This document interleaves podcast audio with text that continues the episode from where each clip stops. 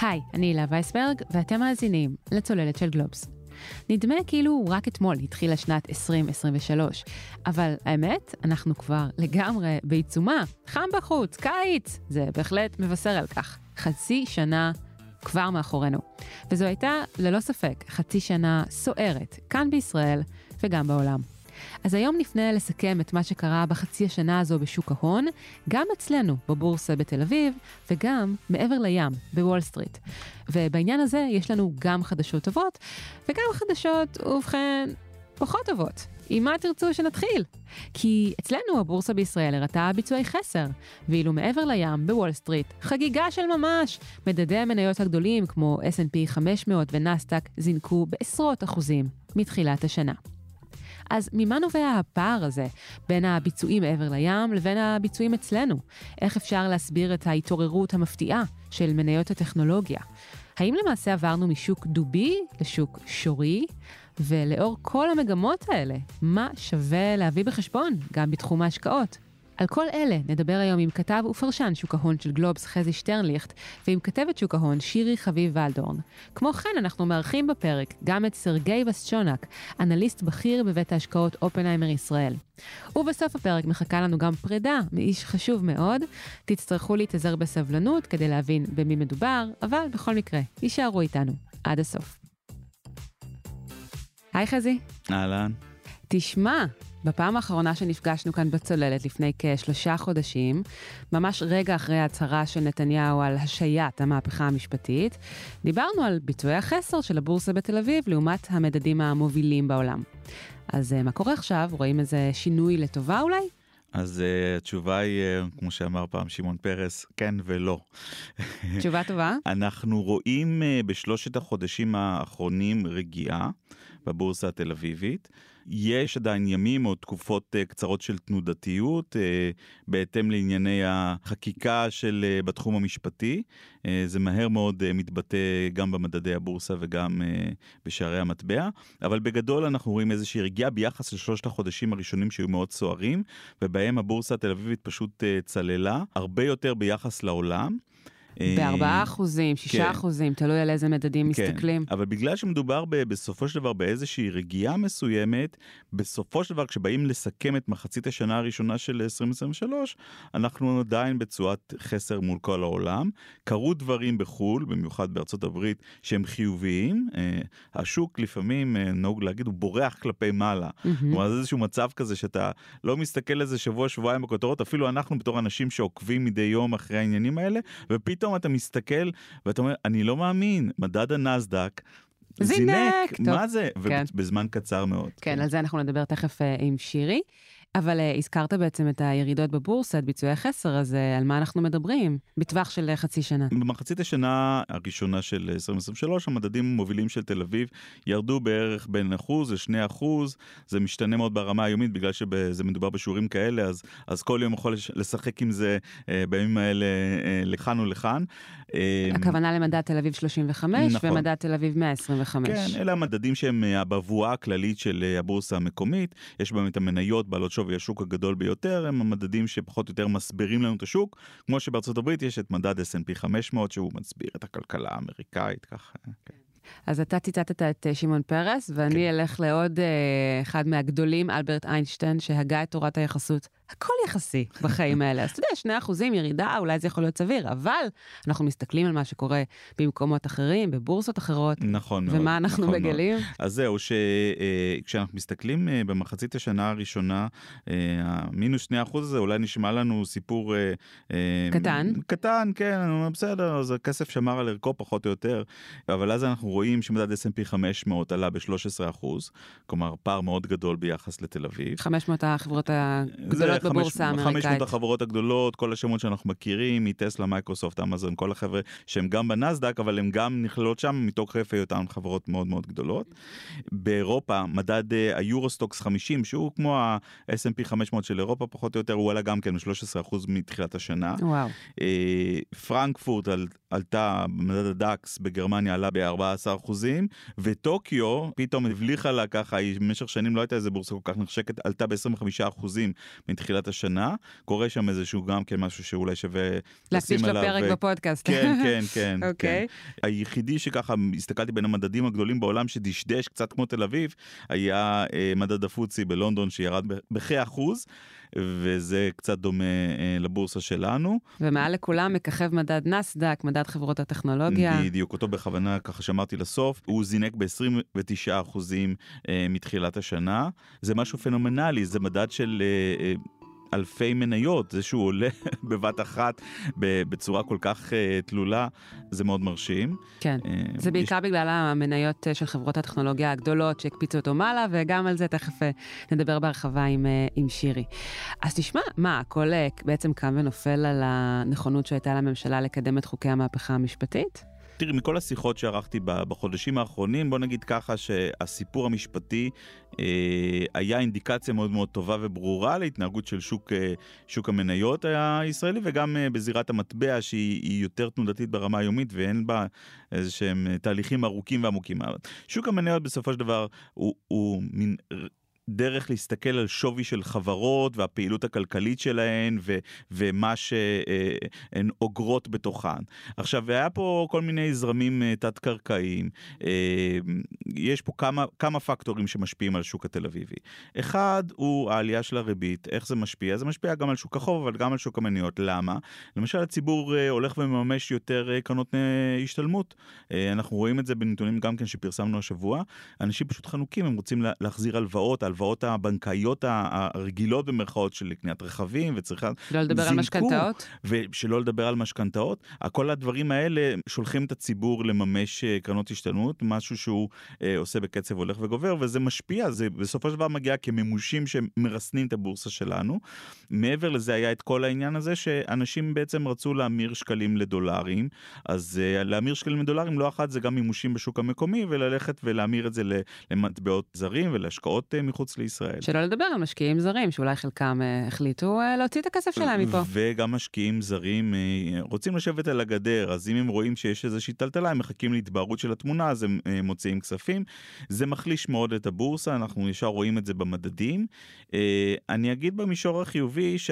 בסופו של דבר, ככל שמה שהשוק מסתכל על החברות הישראליות ולא רואה שקרה פה אירוע מז'ורי כלכלי. אני לא מדבר שנייה אחת על כל העניינים הפוליטיים, החקיקה והדברים האלה, אני מדבר על החברות עצמם שקמות בבוקר, הולכות לעבודה, כי"ל, כל החברות הגדולות האלה, טבע, מוכרות תרופות ברחבי העולם. חברות שמות חליפה והולכות לעבודה. כן, כן. בסופו של דבר, כל עוד לא קרה אירוע מז'ורי בכלכלה, אז אפשר גם להגיד שהמדדים פה הם דרכים קצת כמו קפיץ. כלומר, שברגע שתבוא איזושהי רגיעה מסוימת או פשרה, או התפוגגו העננים אה, אה, של חוסר אה, הוודאות הכלכלי. של חוסר הוודאות דווקא במישור הפוליטי או, או, או כל הדברים האלה, אם ככל שזה יקרה, אז אנחנו נראה שחרור אולי אפילו מהיר וחזק של הבורסה, זה יכול להיות בפרקי זמן מאוד מאוד קצרים.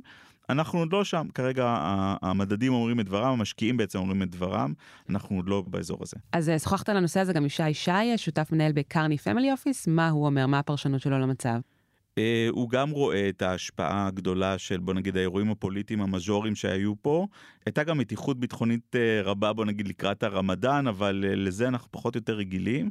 אבל השנה זה נראה היה שבמהלך הפסח ככה היו יותר חששות מכל מיני התלקחויות גיאופוליטיות ואנחנו גם בעולם שונה מאז שפרצה המלחמה באוקראינה לפני שנה אז uh, אז כל העולם הכלכלי מנסה קצת להבין מה אם יש סדרי עולם חדשים בעצם שנוצרים לנגד עינינו עם גלגלי ההיסטוריה. מתחילים שוב פעם לנוע ומה שהכרנו במשך שנים רבות מתחיל ככה להתערער, אה, להתערער או לתפוס איזשהו סדר חדש זה כמובן משפיע ישר על הכלכלה כי יש לזה הרבה פקטורים שאנחנו לא מסוגלים להבין אותם קדימה אבל המשקיעים ישר מנסים או שהם רוצים לשבת על עמדת המתנה ואז הם לוקחים חלק מההשקעות וזה מכווץ את המדדים או גורם לאיזשהו דשדוש או שהם ממש נהיים פסימיים או שליליים לגבי כל מיני סקטורים מסוימים ואז אנחנו רואים אותם אה, יורדים או עולים בהתאם. שי גם הכניס אה, למשוואה התבטאויות של בכירים, של אנשי ציבור, שערערו את עצמאותו של בנק ישראל, כל מיני התבטאויות כנגד נגיד בנק ישראל, פרופסור אמיר ירון, שהעלו חשש אצל משקיעים זרים. שאולי ינקטו צעדים לשינוי המבנה הכלכלי בישראל.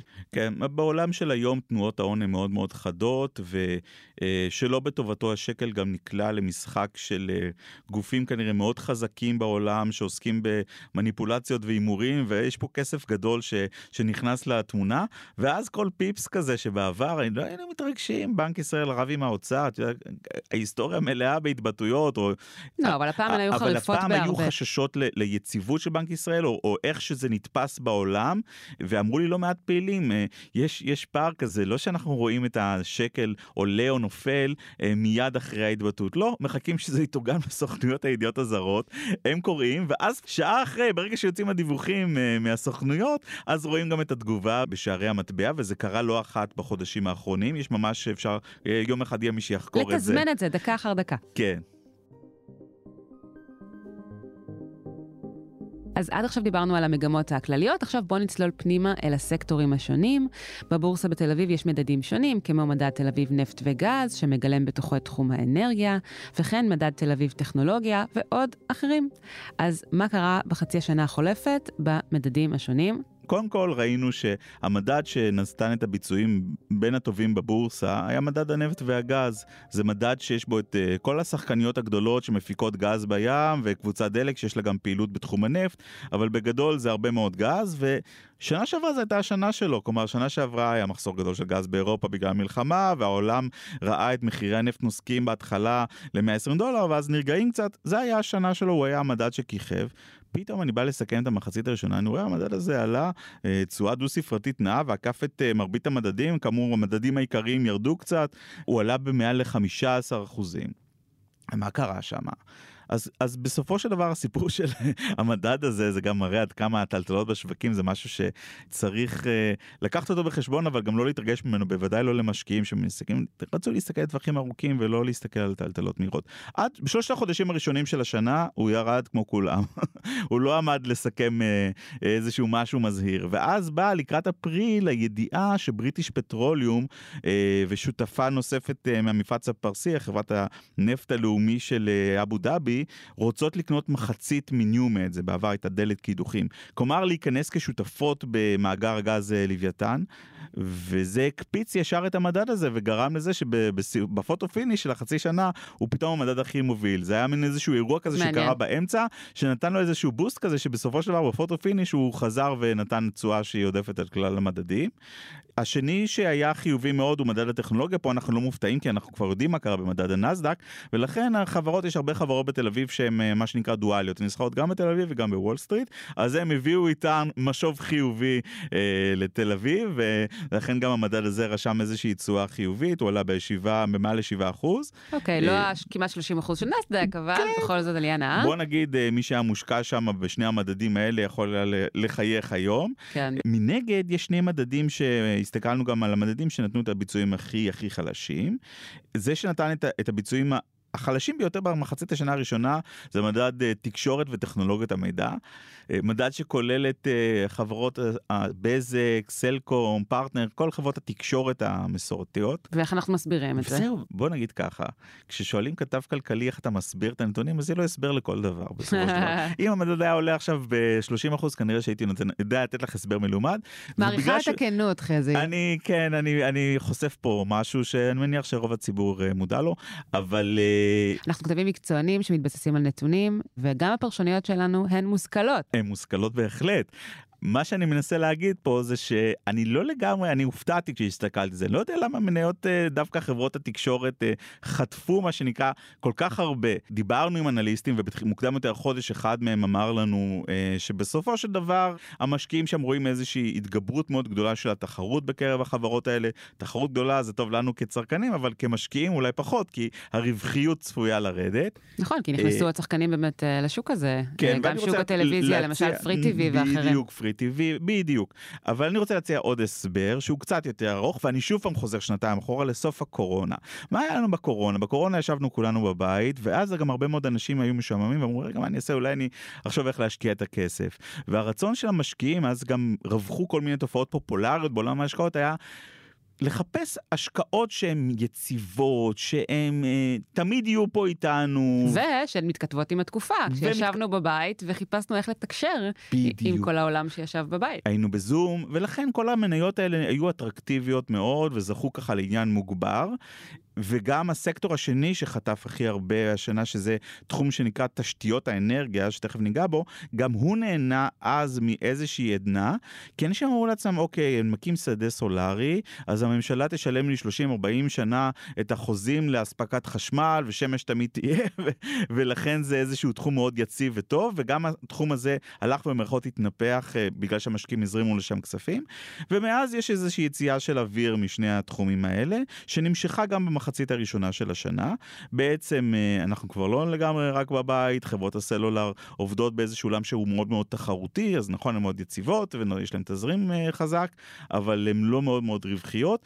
ואותו דבר בתחום תשתיות האנרגיה, שם יש הרבה מאוד חברות טכנולוגיות שחיפשו כל מיני פתרונות להשקעות באוויר דחוס. אתה מדבר על עולמות הקלינטק. כן, עולמות הקלינטק. Mm-hmm. אז בתל אביב יש שני מדדים, מדד אחד נקרא תל אביב קלינטק, ששם יש ממש את המניות אה, ישירות, והשני נקרא גם תל אביב תשתיות אנרגיה. אנרגיה, ששם יש גם את מניות הקלינטק וגם חברות אה, שעוסקות בהקמת שדות סולאריים, פאנלים, דברים שהם פחות טכנולוגיים במהות שלהם.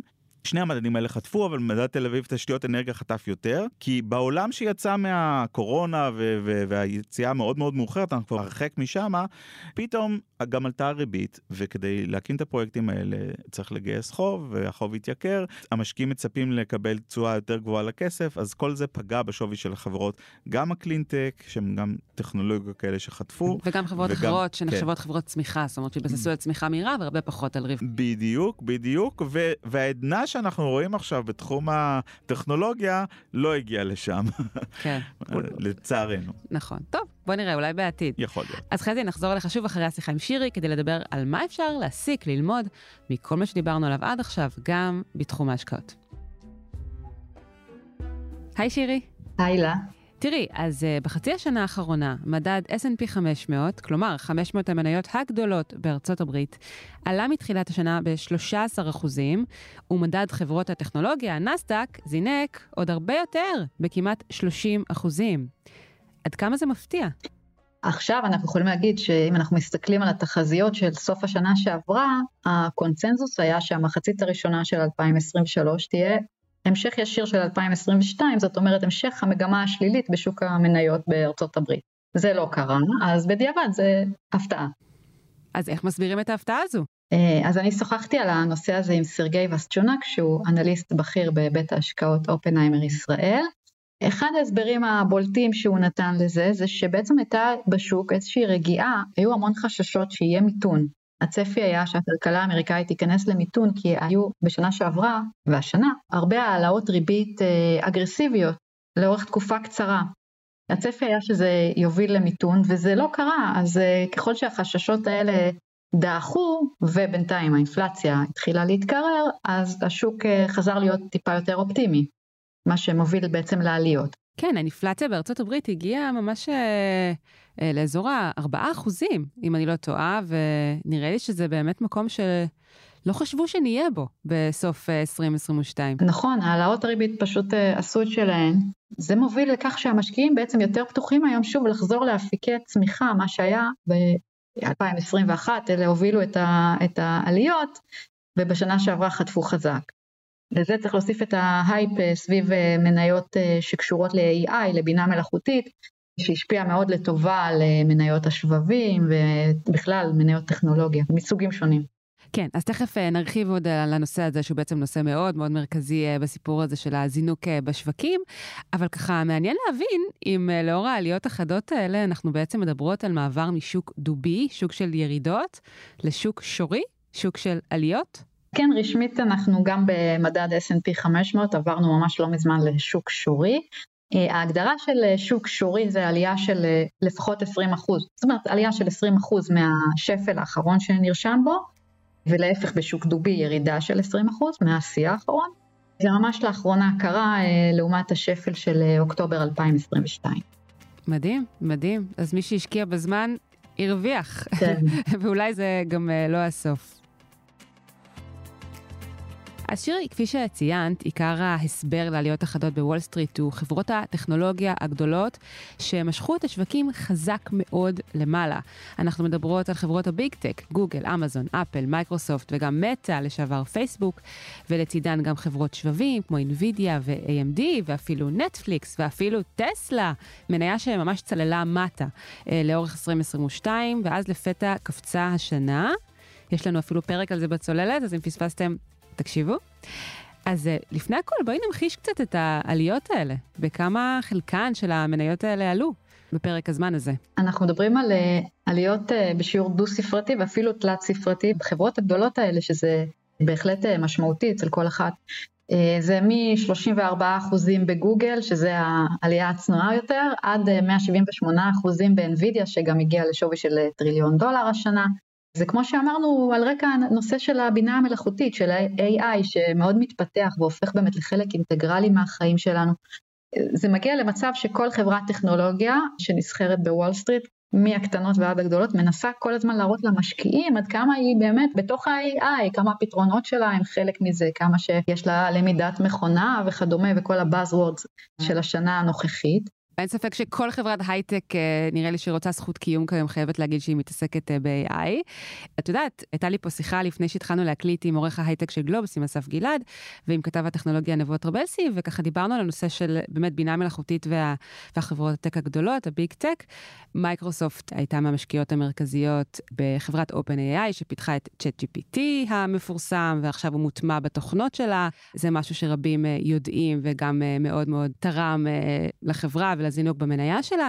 הטכנולוגיות האלה קיימות גם בכל שאר החברות, גם בגוגל כמובן, שמנסה כרגע להתחרות במייקרוסופט בזירה הזו, וגם מאוד חזק בפייסבוק, אה, חברת מטא כיום, ואנחנו כנראה עוד נראה את התוצרים של זה אה, בעתיד. כלומר, באמת מדובר בטכנולוגיה שנמצאת בכל החברות האלה בצורה מאוד דומיננטית, וזה ילך ויתפוס אה, תאוצה עוד בעתיד. כן, זה נכון. NVIDIA למשל היא מהכיוון של השבבים ל-AI, היא אמרה נכון על הכיוון הזה, וזה הביא אותה באמת השנה, כמו שאמרנו, לשווי של טריליון דולר פעם ראשונה. מייקרוסופט באמת מהכיוון של צ'אט GPT ופתרונות אחרים. מטא אה, גם עלתה במעל 100% מתחילת השנה. כן, כל אלה נהנות באמת מהמפיכה הזאת של הטכנולוגיה ליותר יומיומית ויותר אה, יישומית. עוד משהו חשוב בהקשר הזה זה שה-Financial Times חישב ממש לא מזמן שעד תחילת יוני המניות האלה, החברות הגדולות, הוסיפו למדד S&P 500 שווי שוק של מעל שלושה טריליון דולר מתחילת השנה, ואם מנטרלים אותן, את המניות האלה, המדד בעצם היה יורד ב-286 מיליארד דולר. יאללה. יאללה. זאת אומרת, ממש חברות הטכנולוגיה, בעיקר הן, משכו את המדד כלפי מעלה. כן.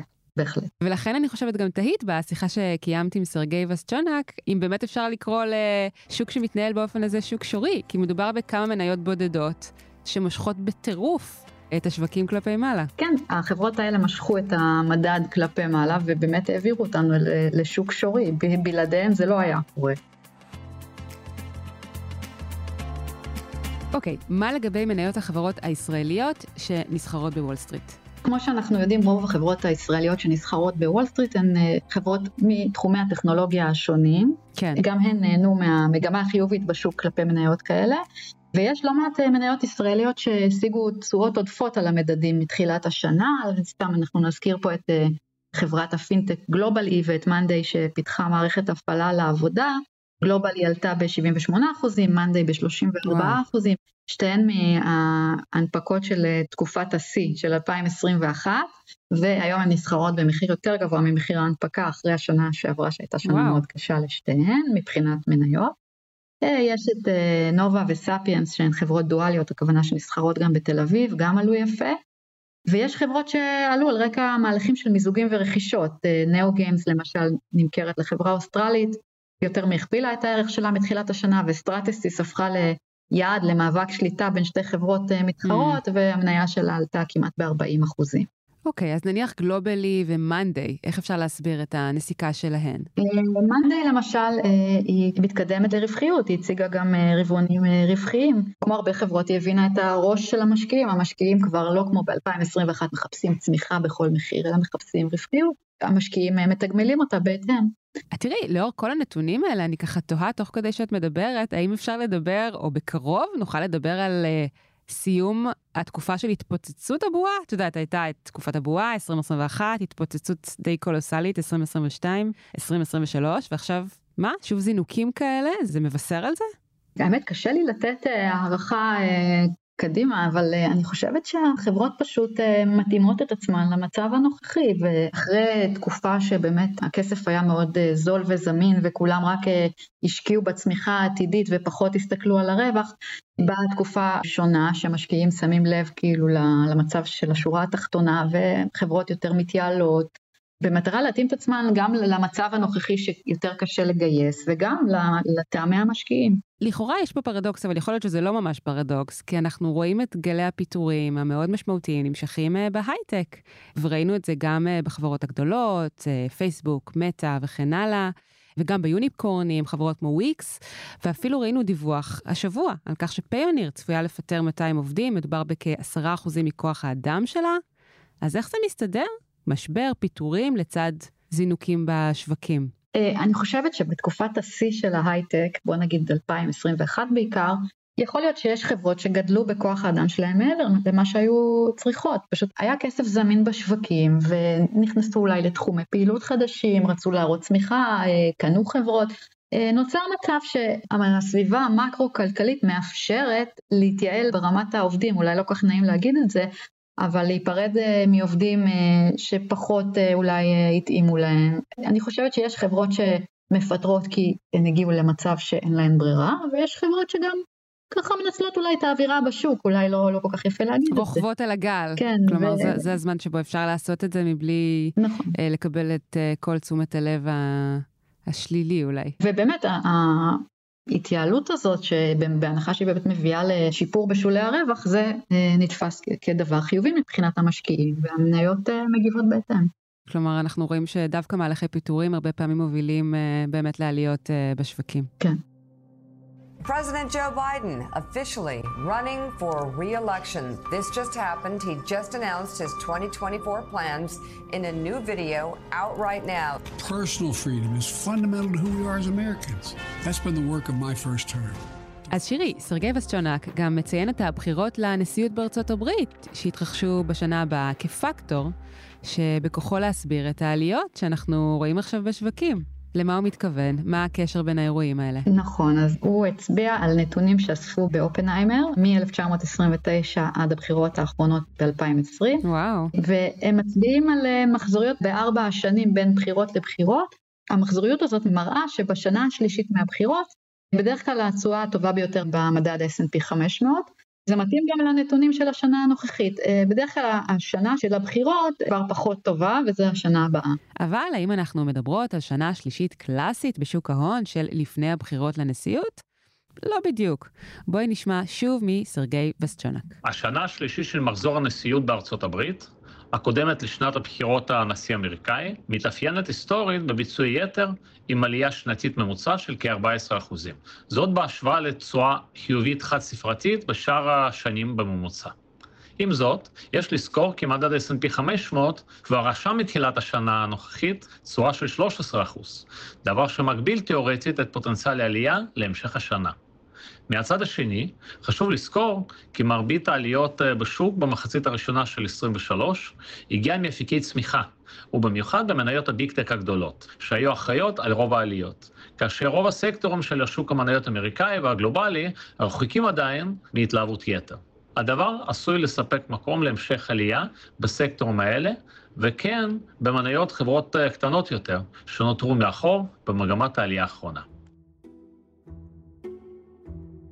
אז טוב, עד עכשיו הייתה לנו שיחה מאוד אופטימית, הייתי אומרת אפילו נלהבת, מופתעת לטובה, אבל בכל זאת אי אפשר שלא להזכיר גם מניות שמזלן פחות שיחק להן בחצי שנה הזו, מניות שבלטו לרעה. נכון. מה הן היו? אה, אז בארצות הברית באמת היה את אה, משבר הבנקים האזוריים, הבנקים הקטנים. אה, כן. בתחילת השנה נפילה של בנק SVB.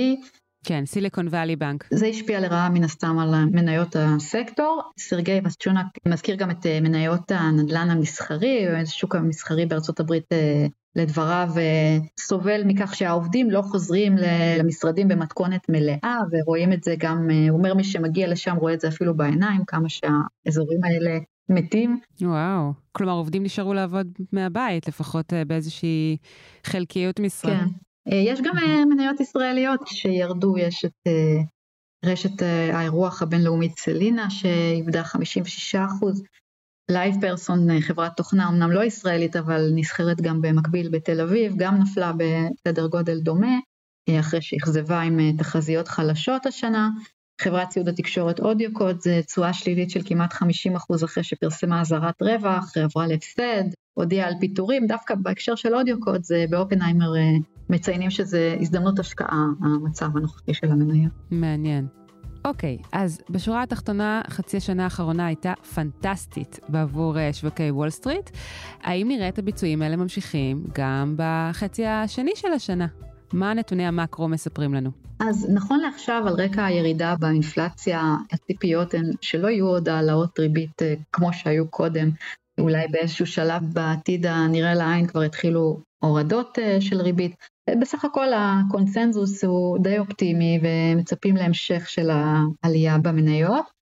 לפי מה שאופנהיימר למשל אה, מעריכים, אז המשך עלייה בשווקים במחצית השנייה, אה, כל עוד אין איזושהי החמרה נגיד גיאופוליטית או, או מקרו-כלכלית שכרגע אנחנו לא רואים או לא יכולים לצפות. אוקיי, okay, אוקיי, okay, זאת אומרת שאנחנו צפויים לראות uh, המשך מגמה חיובית, אנחנו מקווים, לפחות בחו"ל. מקווים, כל עוד לא נופתע כמו שאנחנו מופתעים עכשיו מהתוצאות של 2023 עד כה, לעומת התחזיות שציפינו בסוף 2022. אז שלא יהיו הפתעות או שיהיו הפתעות uh, טובות. שירי חביב אלדורן, תודה רבה. תודה רבה.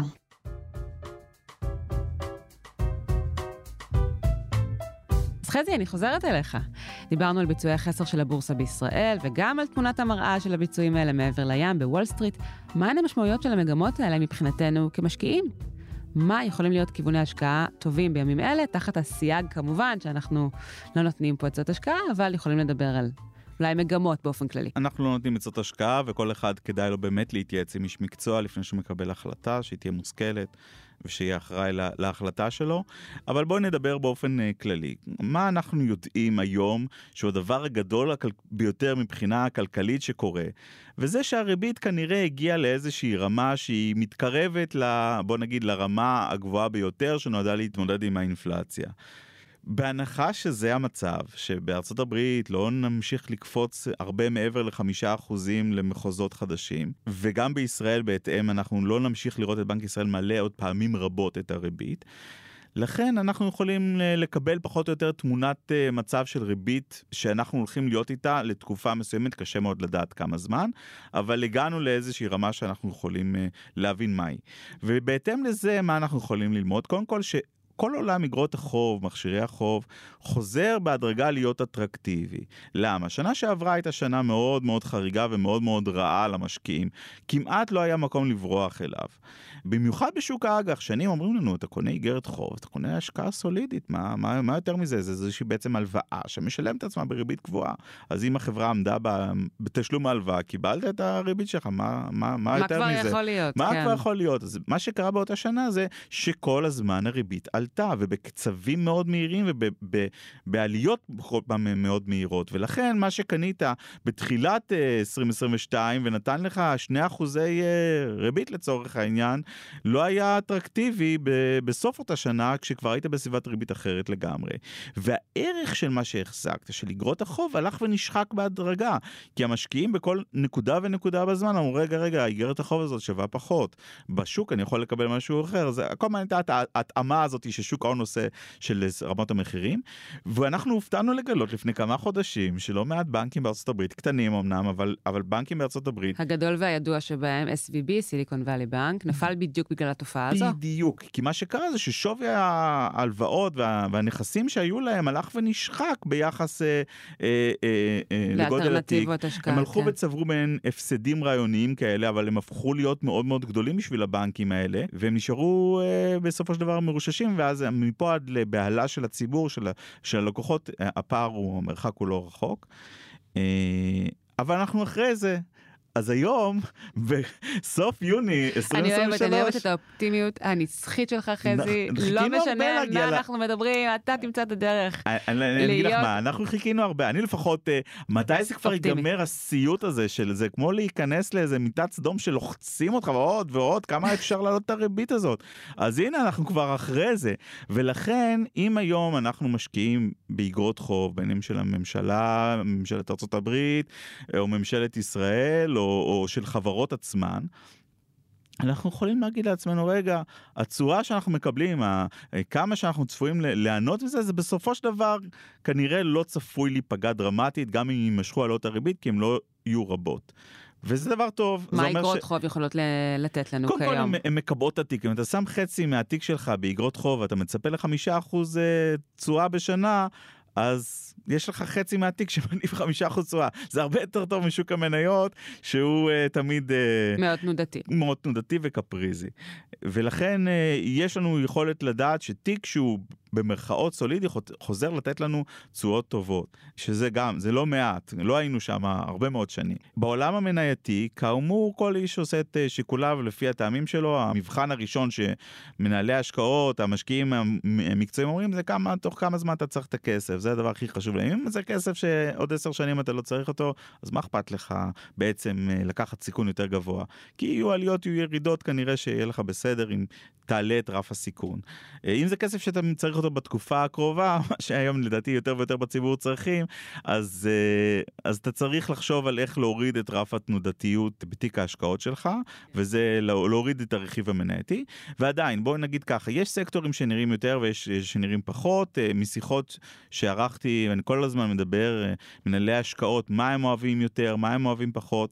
אז תן לנו איזה ממוצע של התשובות. אני אגיד דברים קצת בסיכון יותר נמוך ודברים קצת ביותר סיכון. קודם כל הטכנולוגיות חזרו להפתיע והם פה, וזה שמדד הנאסד"ק עלה ב-30% במחצית השנה הראשונה זה רק מראה על אופטימיות גוברת מצד המשקיעים. יש דברים חדשים שמגיעים, כל הקללות האלה של ה-AI וכל המשפטים שאנחנו שומעים כל הזמן. וה-AI כאן להישאר. אה, כן, ככל הנראה. בסדר, ככל AI, הנראה. פעם זה היה סייבר, כל פעם יש לאנשי הטכנולוגיה סחורה חדשה שהם מוכרים, על הכיפאק. מבחינת המשקיעים, אם זה שמה וזה עולה ומטפס, יכול להיות שהאופטימיות תישמר אה, ותמשיך הלאה. אני אגיד במאמר מוסגר שהבורסה שלנו בתל אביב היא בורסה מאוד נדל"נית במהות שלה. חלק גדול מהחברות הם חברות הם קבלנים שבונים דירות וחברות נכסים מניבים כמו נגיד עזריאלי שיש לה קניונים ומשרדים ו- ו- ועוד אי אלו חברות, אה, מליסרון ויש את גב ים ויש מלא חברות שעוסקות בנכסים והם חטפו, מה זה חטפו בשנה האחרונה? בגלל כל מה שתיארנו עד עכשיו הריבית עלתה והן ישר נפגעות כי הן בעצם חברות שחיות סביב הריבית, יש להן גם הרבה חוב בדרך כלל עליהם וגם הנכסים שלהם פתאום יורדים ועלויות המימון צריכות להתאים את עצמם, הרבה צרות. אז דווקא בגלל שהם חטפו כל כך הרבה, ואנחנו רואים איזושהי רגיעה מסוימת, מי שחושב שבסופו של דבר הגענו פה ל... בוא נגיד לשיא המחנק, ושבסופו של דבר תבוא, תחזור, יתחילו לחזור עסקאות לשוק הנדל"ן, אולי בזהירות שיתחיל לבזול לכיוון הדבר הזה. אם הוא לא רוצה אה, להיחשף למניות, תמיד יש את אגרות החוב, צריך לבדוק דירוגים, כל אחד לפי רמות הדירוג אה, שעומדות לפי טעמו, טעם הסיכון שלו. שורה תחתונה היא שתמיד יש הזדמנויות, צריך לבחון אותן אה, בקפידה, וכל אחד אה, מתבלן לעצמו את, ה, את, ה, את הארוחה לפי אה, מידת הסיכון שהוא רוצה כן, לקחת. פה בישראל יש הזדמנויות, מעבר לים יש הזדמנויות. נכון, אה, נכון. כדאי להסתכל על נכון, המכלול כולו, ב- בימים האלה במיוחד, אני חושבת. זה נכון בהחלט. כן. חזי שטרליך, תענוג כתמיד, תודה רבה.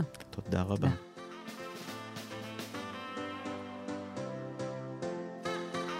טוב, אז לסיום, הבטחנו לכם פרידה מאיש חשוב מאוד, וגם חבר קרוב שלי, והאיש הזה הוא אורי פסובסקי, האחד והיחיד, שהגיש לצידי את הצוללת פחות או יותר מאז שהיא נולדה. ולמען האמת, היא נולדה קצת לפני הבן השני שלי, איתן, שיהיה בקרוב, בעוד כמה חודשים, בן ארבע. לא יאמן. אז אה, זהו שיר פרידה, אורי. מה יש לך לומר לפרוטוקול? קח את המיקרופון, כי אני, אני ממש אה, מתרגשת. את מתרגשת, אני, אני מתרגש בעצמי. טוב, שנינו מתרגשים, בסדר, זה קורה, זה אנושי. אה, יש לך פרק או פרקים זכורים, אהובים במיוחד. כן, תשמעי, באופן טבעי אה, סיום של תקופה זה זמן להעלאת זיכרונות, ונזכרתי באחד הפרקים אה, שלפחות עבורנו אה, היה פרק מכונן, הפרק על אה, משפחת סקלר. הכירו אה, את הסקלרים. הכירו את הסקלרים, ש... שאותו הקלטנו בבית שלך. נכון, בתקופה ההיא הייתי בהיריון, וישבנו uh, בחדר עם מכשיר הקלטה ומיקרופונים והרגשנו נורא מגניבים שאנחנו מקליטים פרק מהבית. כי עבדנו מהבית, ומי עשה כאלה דברים אז? בדיוק, זה היה רגע לפני הקורונה, אבל uh, כמה חודשים אחר כך כולם כבר עשו את זה. כן, האמת שאני לא יודע אם שומעים את זה, שלפעמים מקליטים בבית, לפעמים מקליטים באולפן, אבל כאילו באמת עברנו כברת דרך בשנים האלה, ולו איך שבאופן שבו אנחנו עובדים, גם האנשים שבאים אלינו כאן לצוללת. תשמע, יש שאלה שאסור לשאול אף הורה לגבי הילדים שלו, אבל בכל זאת אני אעז ואשאל אותך, מכל הכלכלנים הגדולים והמפורסמים שראיינת לאורך השנים, מי הוא הכלכלן האהוב עליך? וואו, אני לא יודע אם יש לי רגשות כמו אהבה.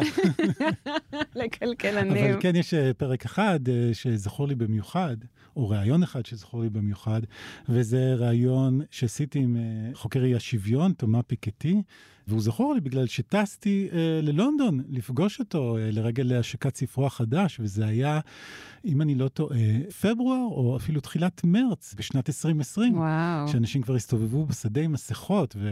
שנייה לפני הסגר הראשון כאן בישראל או משהו ממש, כזה? ממש ממש שנייה לפני הסגר הראשון, Mhm. ואת יודעת, זה משהו שנכון היה גם, אני חושב, לגבי... פיקטי, ואולי גם אה, אה, לגבי הכתבה עליו, גם הפרק איתו אה, שעשינו כאן, שהוא השיק ספר ענק ומעניין האמת אה, על אי השוויון, שהוא עבד עליו שנים, אבל איך שהוא הוציא אותו נהייתה מגפה עולמית, ותשומת הלב של כולם. הלכה למקום אחר. כן, אז זו הייתה uh, באמת uh, חוויה לפגוש את החוויה לטוס לשם, אבל uh, בסופו של דבר זה נבלע באירועים הרבה יותר חשובים, משמעותיים. אה, קורונה זה מגפה קטנה, מי זוכר? כן, כן. אז לסיום, מה אתה רוצה לומר למאזיני הצוללת לדורותיהם, שעקבו ואהבו מאוד את הפרקים שהגשת, הגשנו ביחד, ואת העבודה שלך בגלובס בכלל? תשמעי, בעיקר רציתי להגיד להם uh, תודה. Uh, פודקאסט uh, חתיכת מחויבות. כמובן שזה חתיכת מחויבות אה, להפיק אותו, להגיש אותו אה, מדי שבוע, אבל אה, זה גם מחויבות להקשיב לו. זה, זה זמן, ותודה שלקחתם את הזמן להקשיב לנו, להקשיב לי. אני מאוד נהניתי, מקווה ששמעו את זה, ואני מקווה שגם אתם, המאזינים, נהניתם להקשיב לי. ואז תודה. ותודה לך, הילה. אה, זה היה תענוג לעבוד איתך ולהיות שותף שלך ממש אה, לפודקאסט, ובאמת הלכנו פה כברת דרך ארוכה ביחד. אני אתגעגע, ומעכשיו אה, אני הופך למאזין, מאזין קבוע. בוא נראה, בוא נראה, אני אבדוק את זה מולך. אה, אז אה, אורי, זו הייתה זכות ענקית, ענקית לעבוד לצדך כאן בצוללת, ובכלל, אני אתגעגע, ואני בטוחה שגם המאזינים, אבל הצוללת כמובן ממשיכה במלוא הכוח. אל המעמקים. ואל המעמקים. אורי, שיהיה המון, המון בהצלחה, ואתה יודע, האוהדים שלך ימצאו אותך בערוצים חדשים, אה, והם יאהבו אותך שם. תודה רבה רבה. תודה על הכל. תודה.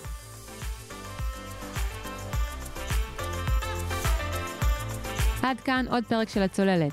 אתם יכולים למצוא אותנו באתר גלובס, בספוטיפיי או בכל אפליקציות פודקאסטים. נשמח אם תעשו לנו subscribe, ואם אהבתם, שלחו את הפרק לחברה או חבר שאתם אוהבים. ואם אתם אוהבים את התכנים של גלובס, אפשר גם לעשות מנוי. כל האפשרויות נמצאות באתר שלנו. עורך הסאונד הוא ניר לייסט, אפשר לדבר איתנו בפייסבוק, אינסטגרם, טוויטר, אפילו לינקדאין. חפשו את השמות שלנו, שילחו לנו הודעה. אם יש לכם מחשבות, הצעות, תגובות, שאלות, כל דבר שהוא, אתם מוזמנים לשלוח לי מייל להילה, h-i-l-a, מקף אמצעי w, את גלובס, globes.co.il.